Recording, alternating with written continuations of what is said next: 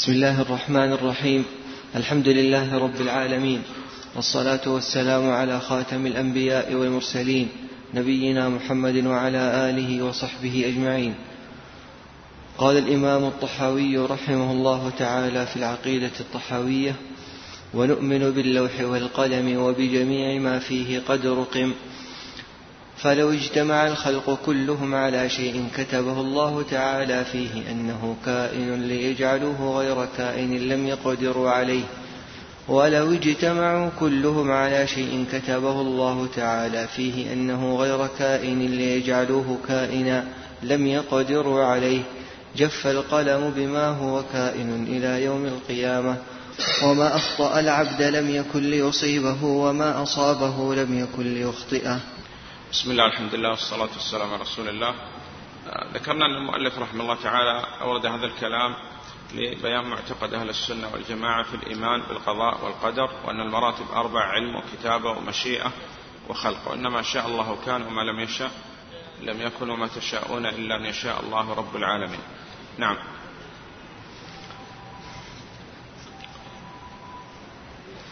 قال رحمه الله وعلى العبد أن يعلم أن الله قد سبق علمه في كل كائن من خلقه فقدر ذلك تقديرا محكما مبرما ليس فيه ناقض ولا معقب ولا مزيل ولا مغير ولا محول ولا ناقص ولا زائد من خلقه في سماواته وأرضه. وذلك من عقد الإيمان وأصول المعرفة والإعتراف بتوحيد الله تعالى وربوبيته كما قال تعالى في كتابه وخلق كل شيء فقدره تقديرا وقال تعالى وكان أمر الله قدرا مقدورا فويل لمن صار لله في القدر خصيما وأحضر للنظر فيه قلبا سقيما قد التمس بوهمه في فحص الغيب سرا كتيما وعاد بما قال فيه أفاكا أثيما قال رحمه الله والعرش والكرسي حق وهو مستغن عن العرش وما دونه محيط بكل شيء وفوقه وقد أعجزه عن الإحاطة خلقه. نعم في هذا إثبات العرش والكرسي وبيان غنى الله سبحانه وتعالى والرد على أهل الباطل في أن قد يقول قائل بالاستواء وأن الاستواء هو ماثل استواء المخلوقين ومعنى هذا أن يكون الخالق مفتقر مفتقر المخلوق. فقال الله أن الله مستغني عن كل شيء وأعظم أكبر من كل شيء. ولا يمكن أن المخلوقات تحيط بالخالق سبحانه وتعالى. وذكرنا العرش غير الكرسي وغير السماء وغير الأرض. نعم. ونقول إن الله اتخذ إبراهيم خليلا وكلم موسى تكليما. إيمانا وتصديقا وتسليما. وبهذا رد على الجهمية. نعم. ونؤمن بالملائكة والنبيين والكتب المنزلة على المرسلين ونشهد أنهم كانوا على الحق المبين. وذكرنا فيما تقدم شرح أركان الإيمان. شرح عرفنا الإيمان لغة وشرعا وكذلك أركان الإيمان. نعم. ونسمي أهل قبلتنا الم... ونسمي أهل قبلتنا مسلمين. ونسمي أهل قبلتنا مسلمين مؤمنين ما داموا بما جاء به النبي صلى الله عليه وسلم معترفين وله بكل ما قاله وأخبر مصدقين. طاعة فيما أخبر وتصديق فيما أخ... طاعة فيما أمر وتصديق فيما أخبر. واجتناب ما عنه نهى وزجر ولا يعبد الله إلا بما شرع. نعم.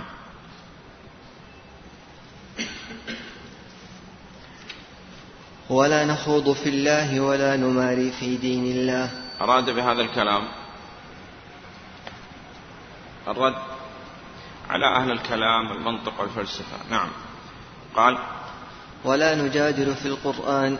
ونشهد أنه كلام رب العالمين. نزل به الروح الأمين. فعلمه سيد المرسلين محمدا صلى الله عليه وعلى آله أجمعين. وهو كلام الله تعالى لا يساويه شيء من كلام المخلوقين. ولا نقول بخلقه ولا نخالف جماعة المسلمين. ولا نكفر أحدا من أهل القبلة بذنب ما لم يستحله. ذكرنا هذه المسألة أن معتقد أهل السنة والجماعة في مرتكبي الكبيرة أن مؤمن بها الفاسق بالكبيرة وأما إذا أنكر ما هو معلوم من الدين بالضرورة فهو كافر حتى وإن لم يفعل هذا الفعل. مثاله من أنكر مثلا تحريم الزنا أو تحريم الربا في الأصل فهذا كافر كفر أكبر حتى وإن لم يزني وإن لم يأكل الربا. نعم. لكن ذكرنا هذه المسألة. الربا من حيث الأصل. معلوم تحريم وأنه كبيرة من كبائر الذنوب. لكن في بعض الصور وبعض المسائل التي اختلف فيها العلماء هذا لا يعد مستحيل. نعم. قال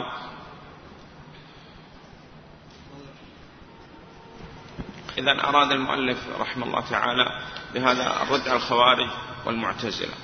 نعم. أما في القول الثاني ولا نقول هذا الرد على المرجئة. وقلنا انقسم الناس في هذا الباب إلى طرفين وسط نعم. قال رحمه الله ولا نقول لا يضر مع الإيمان ذنب لمن عمله.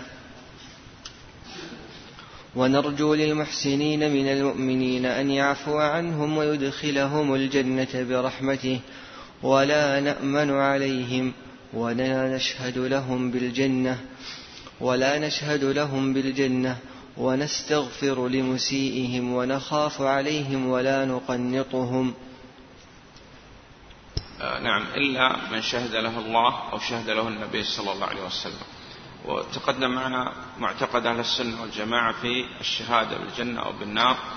قلنا لا نشهد الإنسان بعينه أن في جنة وفي نار إلا من شهد له الله أو شهد له النبي عليه الصلاة والسلام. كالعشرة مبشرين بالجنة وثابت بن قيس وشماس وغيرهم أما هذا القول متفق عليه. وقلنا القول الزائد أن من شهدت له الأمة بالتقوى والصلاح والاستقامة والهداية فهذا نشهد له بعينه أو لا. قلنا هذه المسألة فيها خلاف بين العلماء لأنهم لأن الذين يقولون بهذا القول يستدلوا بقول النبي صلى الله عليه وسلم أنتم شهداء الله في الأرض. نعم. ولا فكل من مات على الإسلام فالأصل نعامل على ظاهره والله أعلم بما ختم له. وكذلك من مات على الكفر نعامل على ظاهره والله أعلم بما ختم له. نعم. قال رحمه الله والأمن والياس ينقلان عن ملة الإسلام وسبيل الحق بينهما لأهل القبلة. نعم ذكر المؤلف رحمه الله تعالى أن السائر إلى الله يعتري شيئان يعوقان عن ربه ولا بد أن يجمع في سير إلى الله بين الخوف والرجاء. نعم. سبيل الحق بينهما وهذا هو الوسط. نعم. لأهل القبلة الذين استقبلوا القبلة. نعم. قال رحمه الله ولا يخرج العبد من الإيمان إلا بجحود ما أدخله فيه. قلنا من هذا الموضع إلى يعني ما ذكر المؤلف من الإيمان وكذا. هذا هذه المسائل ليست مسلمة للمؤلف. إلا بجحود ما أدخله فيه أو ما ذكرنا في نواقض الإسلام من أن النواقض تلخص في أمور أربعة قول وعمل واعتقاد وكذلك الشك. نعم. قال رحمه وأراد الله هو أراد المؤلف رحمه الله تعالى بهذا الكلام الرد على الخوارج والمعتزلة بخروج الإنسان بالكبيرة. نعم. قال رحمه الله لأنه قد يخرج بغير هذا قد يخرج مثلا بالاستهزاء. نعم. والإيمان هو الإقرار باللسان والتصديق بالجنان. قلنا هذا التعريف فيه قصور والإيمان هو قول وعمل واعتقاد يزيد وينقص. نعم. وجميع ما صح عن النبي صلى الله عليه وسلم من الشرع والبيان كله حق.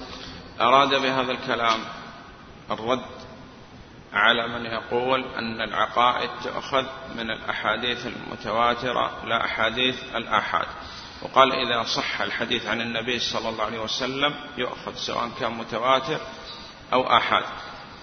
وذكرنا هذه المسألة ما هو الدليل عليها؟ الدليل إرسال النبي صلى الله عليه وسلم. نعم. وكذلك أرسل النبي صلى الله عليه وسلم معاذ إلى اليمن. قال إنك تأتي قوم من أهل الكتاب. فلولا نفر من كل فرقة طائفة. نعم. وغيره. وطالما ثبت الحديث للنبي صلى الله عليه وسلم وجب العمل. نعم. وجميع ما صح عن رسول الله صلى الله عليه وسلم من الشرع والبيان كله حق. نعم. والإيمان واحد وأهله في أصله سواء. والتفاضل بينهم بالخشية والتقى. ومخالفة الهوى وملازمة الأولى. الإيمان واحد. قلنا هذا الكلام فيه نظر بل قال عنه الشيخ بن باز رحمه الله تعالى أنه باطل لأن الناس يتفاوتوا في الإيمان. نعم. طيب. فإيمان الأنبياء والرسل عليهم الصلاة والسلام ليس كإيمان غيرهم من الناس. نعم. طيب. آه والتفاضل بينهم بالخشية والتقى وقلنا إن أدلة كثيرة أيكم زادته هذه إيمانا. إذا كان الإيمان يزيد لابد ينقص وجاء النقصان مصرحا به في سنة النبي صلى الله عليه وسلم. نعم. والمؤمنون كلهم أولياء الرحمن وأكرمهم عند الله أطوعهم وأتبعهم للقرآن. ذكرنا أن الولاية إما تكون ولاية عامة تشمل كل مخلوق كالعبودية العامة عبودية القهر. آه ثم ردوا إلى الله مولاهم الحق. وولاية خاصة بالمؤمنين. الله ولي الذين آمنوا. نعم. ألا إن أولياء الله لا خوف عليهم ولا هم يحزنون. نعم. وكما يكون القرب من الله سبحانه وتعالى تكون الولاية. نعم. قال المصنف رحمه الله تعالى والإيمان هو الإيمان بالله وملائكته وكتبه ورسله واليوم الآخر والقدر خيره وشره وحلوه ومره من الله تعالى. ونحن مؤمنون بذلك كله. لا نفرق بين أحد من رسله ونصدقهم كلهم على ما جاءوا به. بسم الله الحمد لله والصلاة والسلام على رسول الله. عرفنا الإيمان لغة هو الإقرار والتصديق وشرعا هو قول باللسان واعتقاد بالقلب وعمل بالجوارح والأركان يزيد بالطاعة ينقص بالمعصية. الإيمان وذكر هنا أركان الإيمان وشرحناها بالأمس أن الإيمان بالله يتضمن الإيمان بربوبيته وألوهيته وأسماء وصفاته والإيمان بوجوده سبحانه وتعالى وقلنا الأدلة إجمالا على وجود الله العقل والحس والفطرة والشرع. ذكرنا أيضا الإيمان بالملائكة والإيمان بالكتب والرسل واليوم الآخر. وشيخ الإسلام ابن تيمية رحمه الله تعالى ذكر في الإيمان باليوم الآخر أنه يتضمن الإيمان بكل ما يكون بعد الموت. وكذلك الإيمان بالقضاء والقدر خيره وشره وقلنا الشر لا ينسب إلى الله سبحانه وتعالى كما قال عليه الصلاة والسلام والشر ليس إليك. آه، من الله تعالى. آمنا وصدقنا وسلمنا. نعم. ونحن مؤمنون بذلك. قال لا نفرق بين أحد من رسله. ونقول أن الأنبياء والرسل عليهم الصلاة والسلام أدوا الأمانة ونصح آه، أدوا الأمانة ونصح الأمة وبلغوا وجاهدوا في الله حق جهاده. نعم. قال رحمه الله وأهل الكبائر من أمة محمد صلى الله عليه وسلم في النار لا يخلدون إذا ماتوا وهم موحدون. نعم إذا ماتوا على التوحيد فهم تحت المشيئة وهذا هو معتقد أهل السنة والجماعة أنهم لا يخلدوا في النار خلد أبدي بل هم تحت المشيئة. نعم.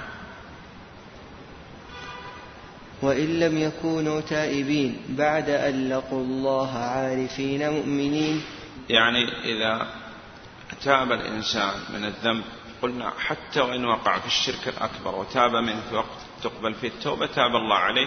لعموم الأدلة قل يا عباد الذين أسرفوا على أنفسهم لا تقنطوا من رحمة الله إن الله يغفر الذنوب جميعا. نعم.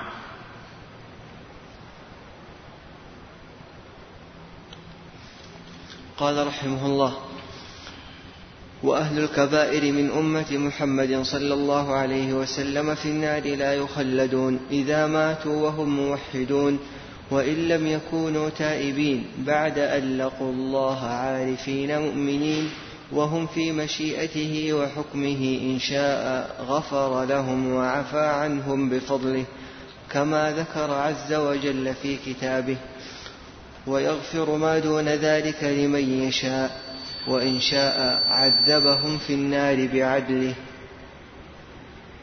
نعم هذا تقدم معنا معتقد أهل السنة والجماعة في مرتكبي الكبيرة نعم. قال رحمه الله ثم يخرجهم منها برحمته وشفاعة الشافعين من أهل طاعته ثم يبعثهم إلى جنته. خروج هؤلاء برحمة الله وذكرنا أن الشفاعة تكون في من دخل النار من الموحدين أن يخرج منها. نعم كما ذكر المؤلف. نعم من الشفاعة العامة هذه. قال وذلك بأن الله تعالى تولى أهل معرفته وذلك بأن الله تعالى تولى أهل معرفته ولم يجعلهم في الدارين كأهل نكرته الذين خابوا في هدايته ولم ينالوا من ولايته. اللهم يا ولي الإسلام وأهله مسكنا بالإسلام حتى نلقاك به. نعم أو في رواية أخرى ثبتنا على الإسلام حتى نلقاك. اللهم آمين. والله أعلم. صلى الله على محمد وآله وصحبه وسلم.